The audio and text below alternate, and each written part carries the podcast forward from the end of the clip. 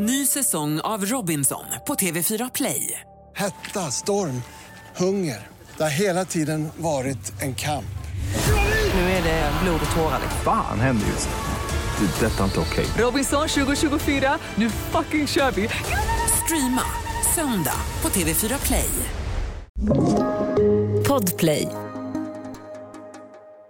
Du presenteras nu för obekräftad information. Var därför kritisk till materialet som bygger på fiktion, åsikter och vinklad fakta. Podcasten kan inte ses som en trovärdig källa. I detta avsnitt förekommer grovt innehåll som våld, vapen, droger och sex. Känsliga lyssnare varnas. Rasputin. Anybody who didn't like Rasputin lost their job. In that room with the prince and Rasputin were three cakes and two glasses of wine, each of them laced with poison. And he says, The poison's not happening. What am I going to do? Shoot him, they say.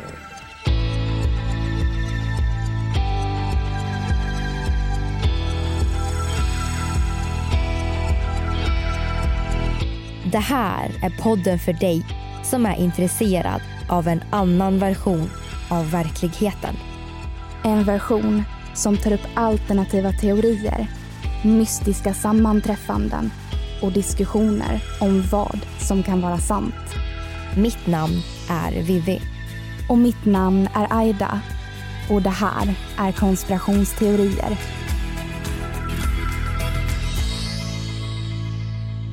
Legenden om Gregori Rasputin, del 2.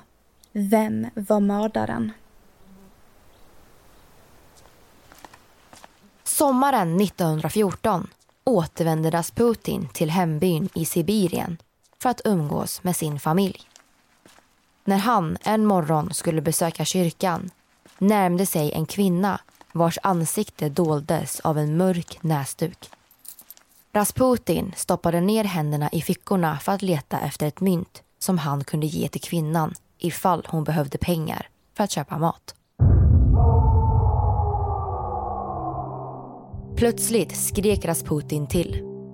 Han hade blivit knivhuggen i magen med en sylvass bajonett. Jag har dödat Antikrist, skrek hon och lämnade platsen. Skadorna var mycket omfattande. Rasputin fick opereras och spenderade omkring sex veckor på ett sjukhus.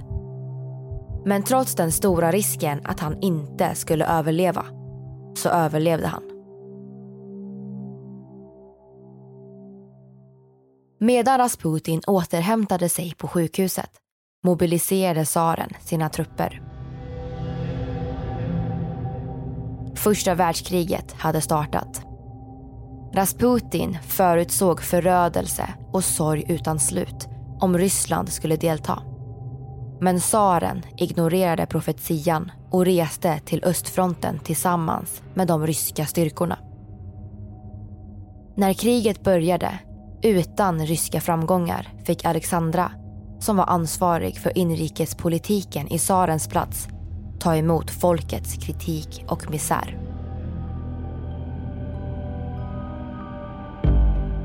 Rasputin, som allt oftare befann sig i palatset, kunde samtala med tsarinnan i flera timmar om religion, politik och andra frågor. Det sägs att Rasputin berättade för tsarinnan att han ville ha tsarparets fulla förtroende. Han såg tsarfamiljen som Guds motsvarighet och skulle aldrig ljuga eller göra något mot dem. Rasputin hade en speciell förmåga att kunna sätta sig in i vad folk tänkte.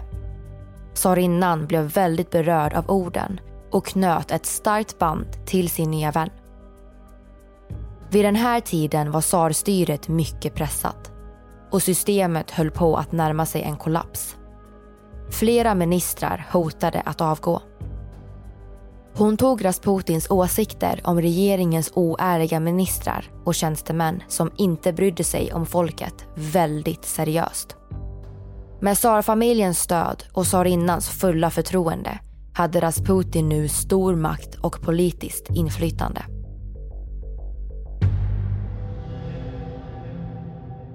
Som tsarinnans personliga politiska rådgivare kunde han lägga sig i tillsättandet av nya ministrar och ibland skrev han brev till tsaren om de religiösa uppenbarelser han fått kring kriget.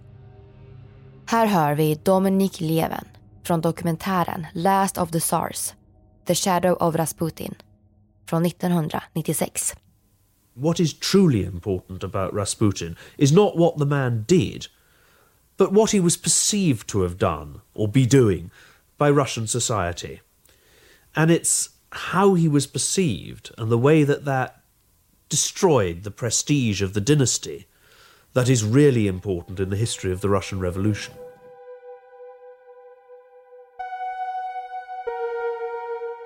Många vid hovet störde sig på Rasputins obildade och arroganta uppträdande. Rysslands öde kunde knappast ligga i händerna på någon konstig och farlig bonde.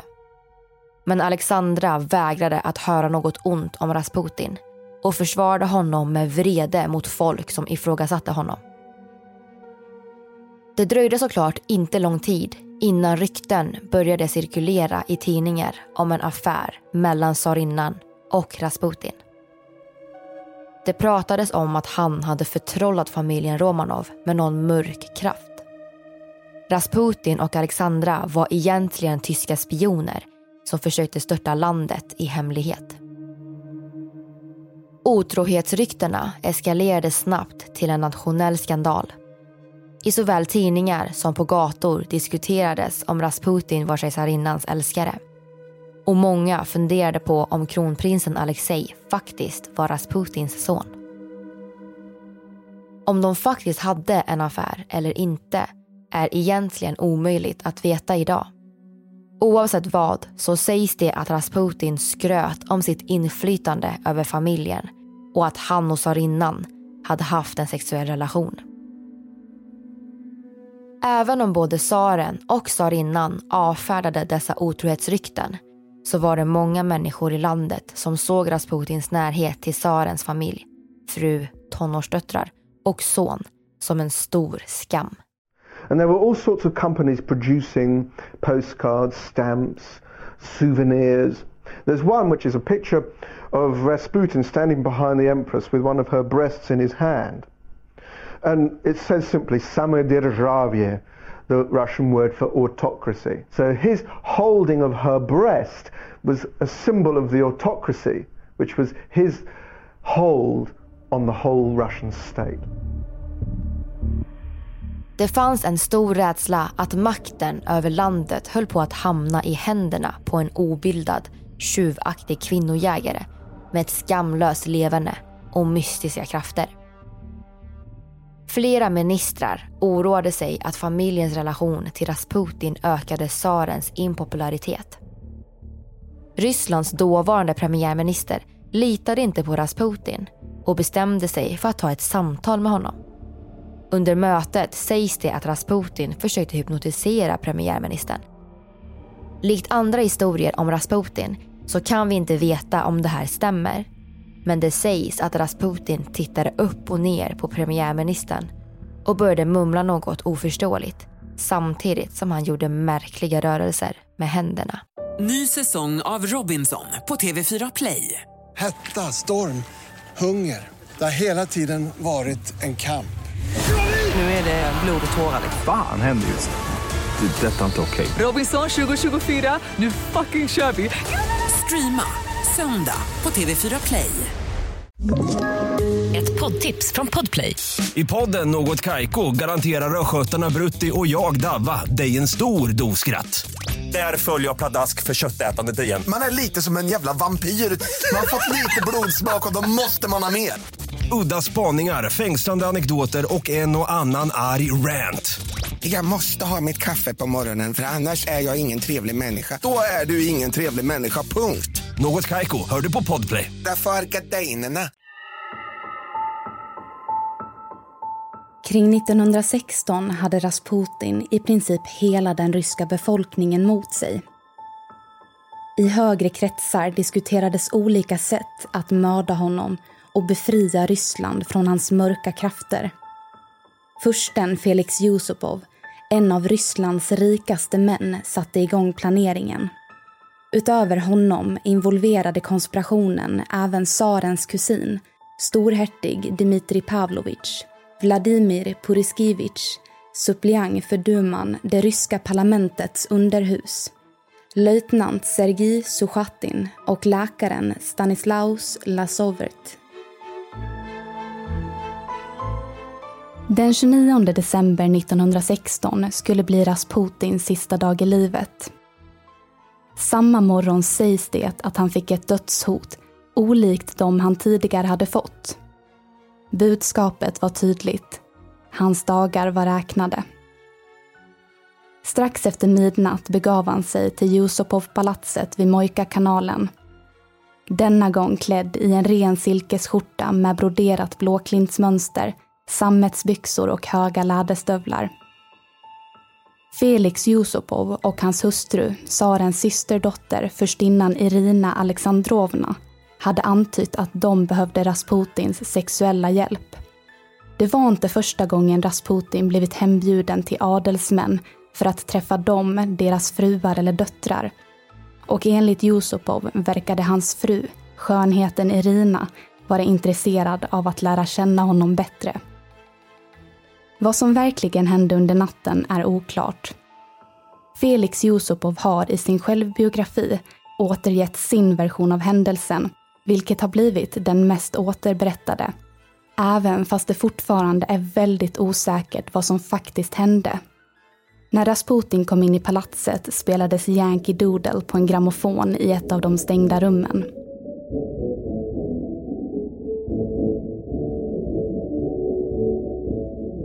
Felix Yusupov tog med honom ner till källaren och berättade att hans hustru Irina och hennes väninnor hade en liten fest på övervåningen och att de skulle ansluta vilken minut som helst. Männen gick in i ett litet men festligt rum och slog sig ner vid ett bord fyllt av olika bakelser och halvfulla vinglas. Rasputin högg in, ovetandes om att allt han stoppade i munnen var proppfullt med dödligt gift. Eftersom palatset låg mitt emot en polisstation så bestämdes att gift var det mest diskreta sättet att mörda Rasputin. Yusupov hade låtit en läkare noggrant förbereda den dödliga blandningen för att säkerställa att det var tillräckligt starkt för att döda flera män. Men Rasputin skulle vara nästintill omöjlig att döda.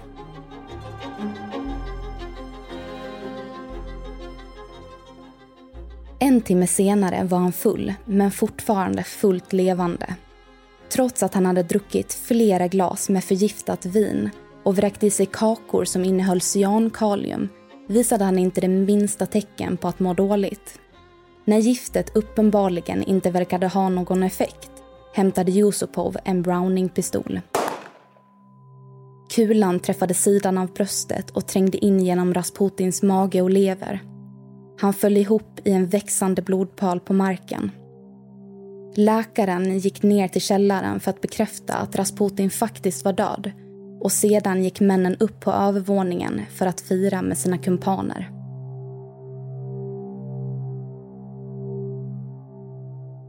Planen var att få det att se ut som Rasputin återvände hem efter nattens festligheter.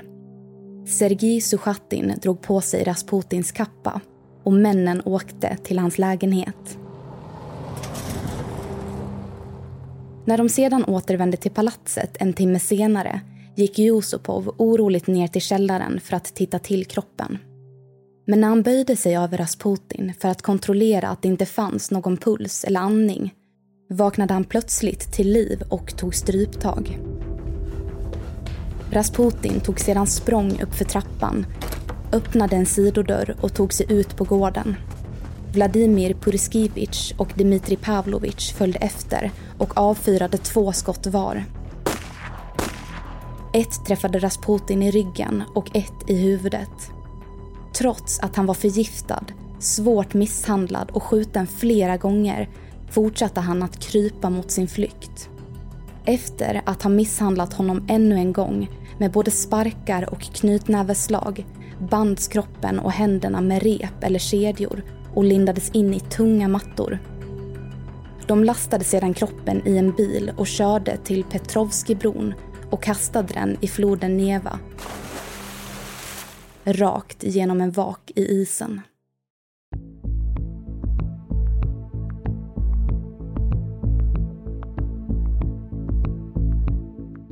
Under natten var det en polisman som befann sig i närheten som hörde tre eller fyra skott och gick mot palatset för att undersöka det vidare.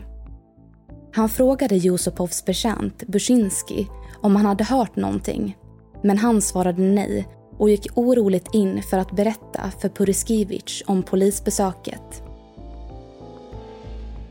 Männen bestämde sig då för att ta en pratstund med polisen och berättade sanningen. De berättade att Rasputin var död och om han verkligen älskade sitt land så skulle han hålla tyst. De lät honom gå, men inom kort hade polisen informerat sina överordnade som i sin tur pratade med sina överordnade om den märkliga natten. Och redan dagen efter mordet påbörjades en utredning kring Rasputins försvinnande. När två arbetare av en slump såg en blodig läderstövel på isen vid floden Neva och upptäckte blodstänk på Petrovskibrons räcken blev försvinnandet snabbt en mordutredning. Kroppen hittades omkring 200 meter från isvaken. Genom att lägga till ett ytterligare mysterium till mordet så låg kroppen i en märklig position när den drogs upp från floden. Armarna var utsträckta som om Rasputin försökt leta sig upp under isen eller hänga sig kvar på ett isblock.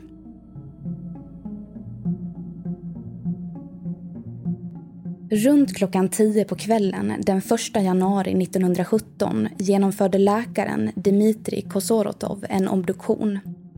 Likt det mesta i detta avsnitt väcker även obduktionsrapporten stora frågor och öppnar upp för spekulation då det är mycket som motstrider den version som Yusupov lämnat. Författaren Edvard Radzinski från dokumentären The Prophecies of Rasputin, part 2 på Youtube when you begin to compare these memoirs, this testimony of different eyewitnesses, you understood that this night was a little bit different.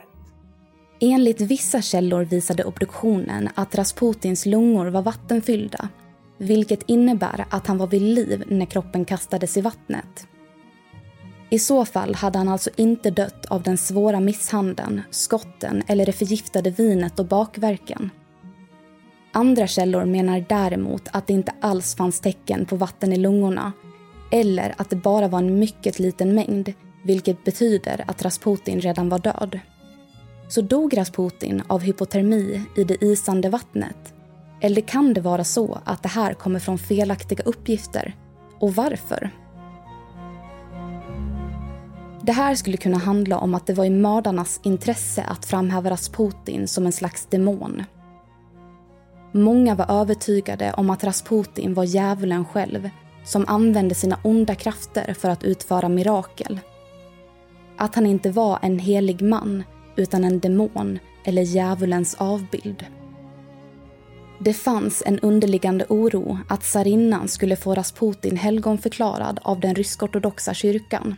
If he dies by drowning, he cannot be a saint. And so I am convinced that there are enough people interested in rigging the cause of death. Märkligt nog hittade man inte ens spår av gift i hans kropp vid obduktionen. Och hur det kan komma sig är ingen som har svar på. Vissa tror att Rasputin var medveten att folk ville se honom död vilket kan ha gjort att han bar med sig ett motgift. Andra tror att mördarna överdrivit historien och hittade på giftet för att visa på Rasputins omänsklighet. En annan förklaring kan vara att giftet var för gammalt eller svagt. Men hur dog Rasputin? Enligt obduktionsläkaren hade Rasputin träffats av tre skott men bara en kula återfanns i kroppen vilken var för skadad för att kunna undersöka vidare. Den första kulan träffade honom på vänster sida av bröstet och den andra i ryggen. Vi vet att Felix Yusupov och Dmitrij Pavlovich bar varsin Browning-pistol och Vladimir Puriskivich bar en Savage-pistol. Och dessa vapen överensstämmer med skadorna på levern och njuren. Richard Cullen i dokumentären Who Killed Rasputin av BBC. Vladimir Purishkevich also wrote his account of the events of that evening. I've compared the memoirs of these two men and found a substantial number of major and important inconsistencies.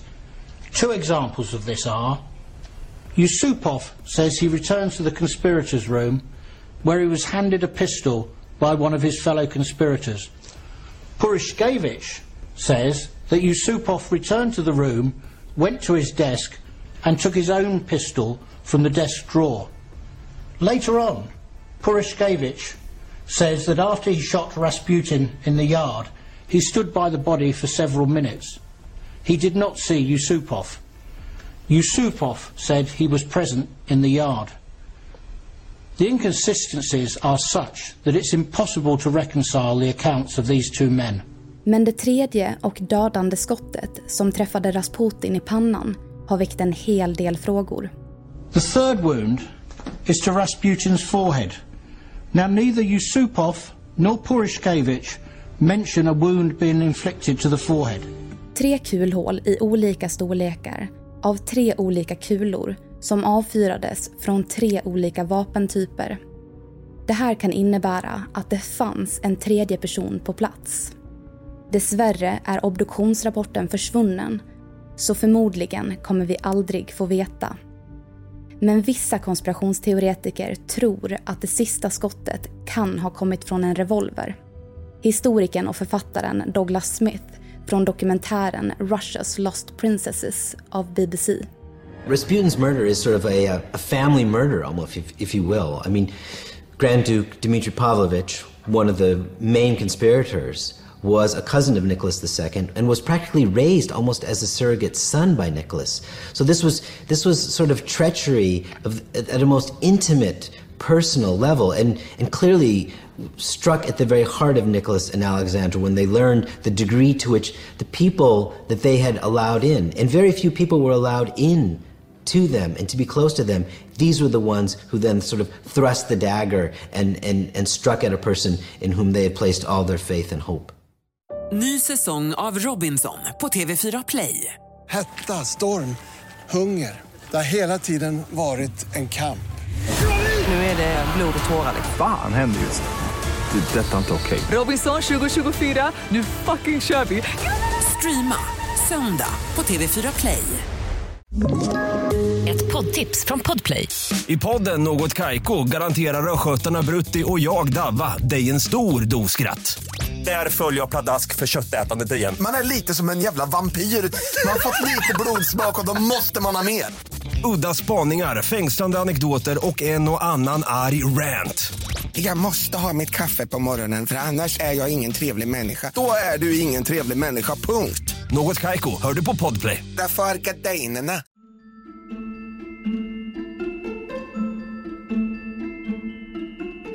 Den 2 januari 1917 begravdes Rasputin nära Alexanderpalatset. Men i mars 1917, när den ryska revolutionen startade och tsaren tvingades abdikera, grävdes kroppen upp och gravplatsen förstördes. Rasputins kvarlevor fraktades iväg i en lastbil för att senare brännas upp. Det sägs att Alexandra, som var helt förstörd av nyheten, mycket väl visste vilka Rasputins mördare var och ville se dem avrättade. Men hon hade inget sätt att bevisa sina misstankar och teorier. Polisen förhörde de tre misstänkta, men de fick inget direkt straff. Felix Yusupov förvisades till södra Ryssland men frigavs 1917 av den provisoriska regeringen. Storhertig Dmitrij Pavlovich skickades till den persiska fronten för att tjänstgöra som soldat. Men 1918 tog han sig istället till England via Iran.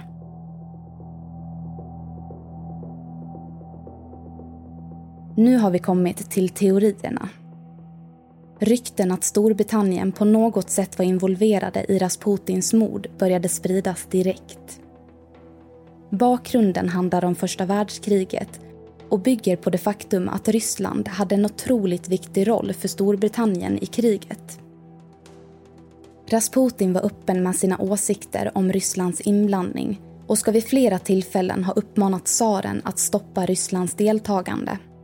Vi vet att engelsmännen var oroliga att Rasputin höll på att övertala tsarinnan som i sin tur skulle kunna övertala tsaren att sluta en separat fred med Tyskland.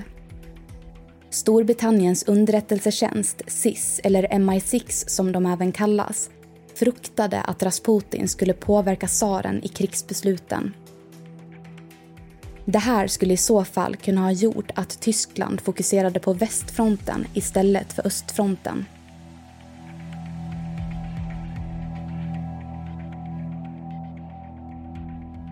Så kan SIS eller MI6 haft något att göra med Rasputins död?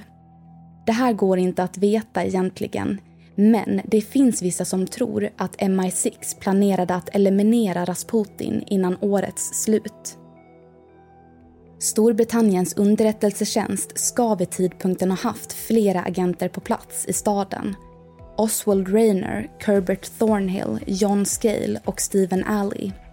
Var de eller någon av dem involverade i mordplanen? Eller till och med delaktiga i genomförandet? Här hör vi Richard Cullen igen. This memo provides us with amazing evidence. It is from one of the Secret Service agents in St. Petersburg to John Scale, and it says Although matters here have not proceeded entirely to plan, our objective has clearly been achieved. Reaction to the demise of dark forces has been well received by all. Rayner is attending to loose ends and will no doubt brief you on your return. Teorin är att Vladimir Purskivich kontaktade Samuel Hoarey som var chef över Storbritanniens underrättelsetjänst i Sankt Petersburg och informerade honom om mordplanen. Det sägs därefter att de brittiska agenterna Oswald Rayner och John Scale besökte Felix Yusupovs palats vid flera tillfällen under veckorna innan mordet enligt hans chaufför William Comptons loggbok och det sista besöket sägs ha varit under mordnatten.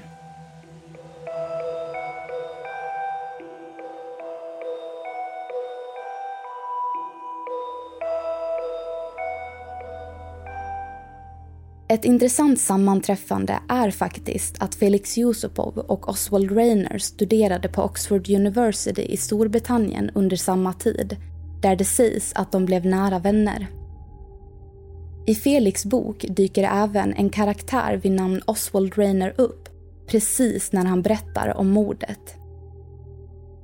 Lite märkligt sammanhang kanske, eller? Det var dessutom Oswald Rayner som översatte Felix Yusupovs memoar och man kan ju fundera på om detta möjliggjorde att de kunde forma om historien. Teorin bygger vidare på att agenten Oswald Rainer avfyrade det sista och dödande skottet mot Rasputin. Det standardvapen som de brittiska trupperna använde under första världskriget kan möjligtvis vara det vapen som användes mot Rasputin. Om det rör sig om en Webley revolver av kaliber 455, som vissa teoretiker tror, så kan revolvern ha tillhört Rainer. Det finns egentligen inte så mycket bevis som tyder på att det här är sant. Å andra sidan kanske de var så pass duktiga att de lyckades sopa igen sina spår väl. Oswald Rainer dog år 1961 och strax innan hans död så brände han upp allt sitt material från tiden i Ryssland. Frågan är bara vad det var som fanns där.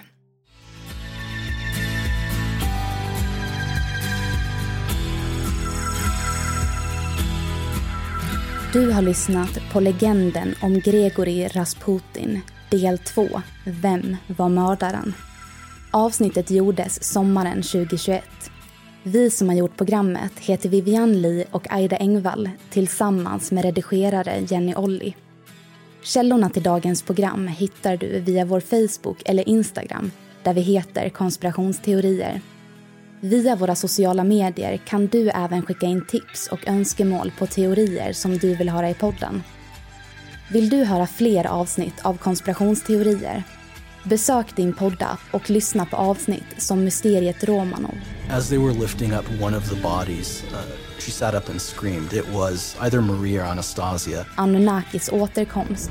We're beginning to understand that the Anunnaki gods that were actually ETs could be still out throughout the universe. Och mycket mer.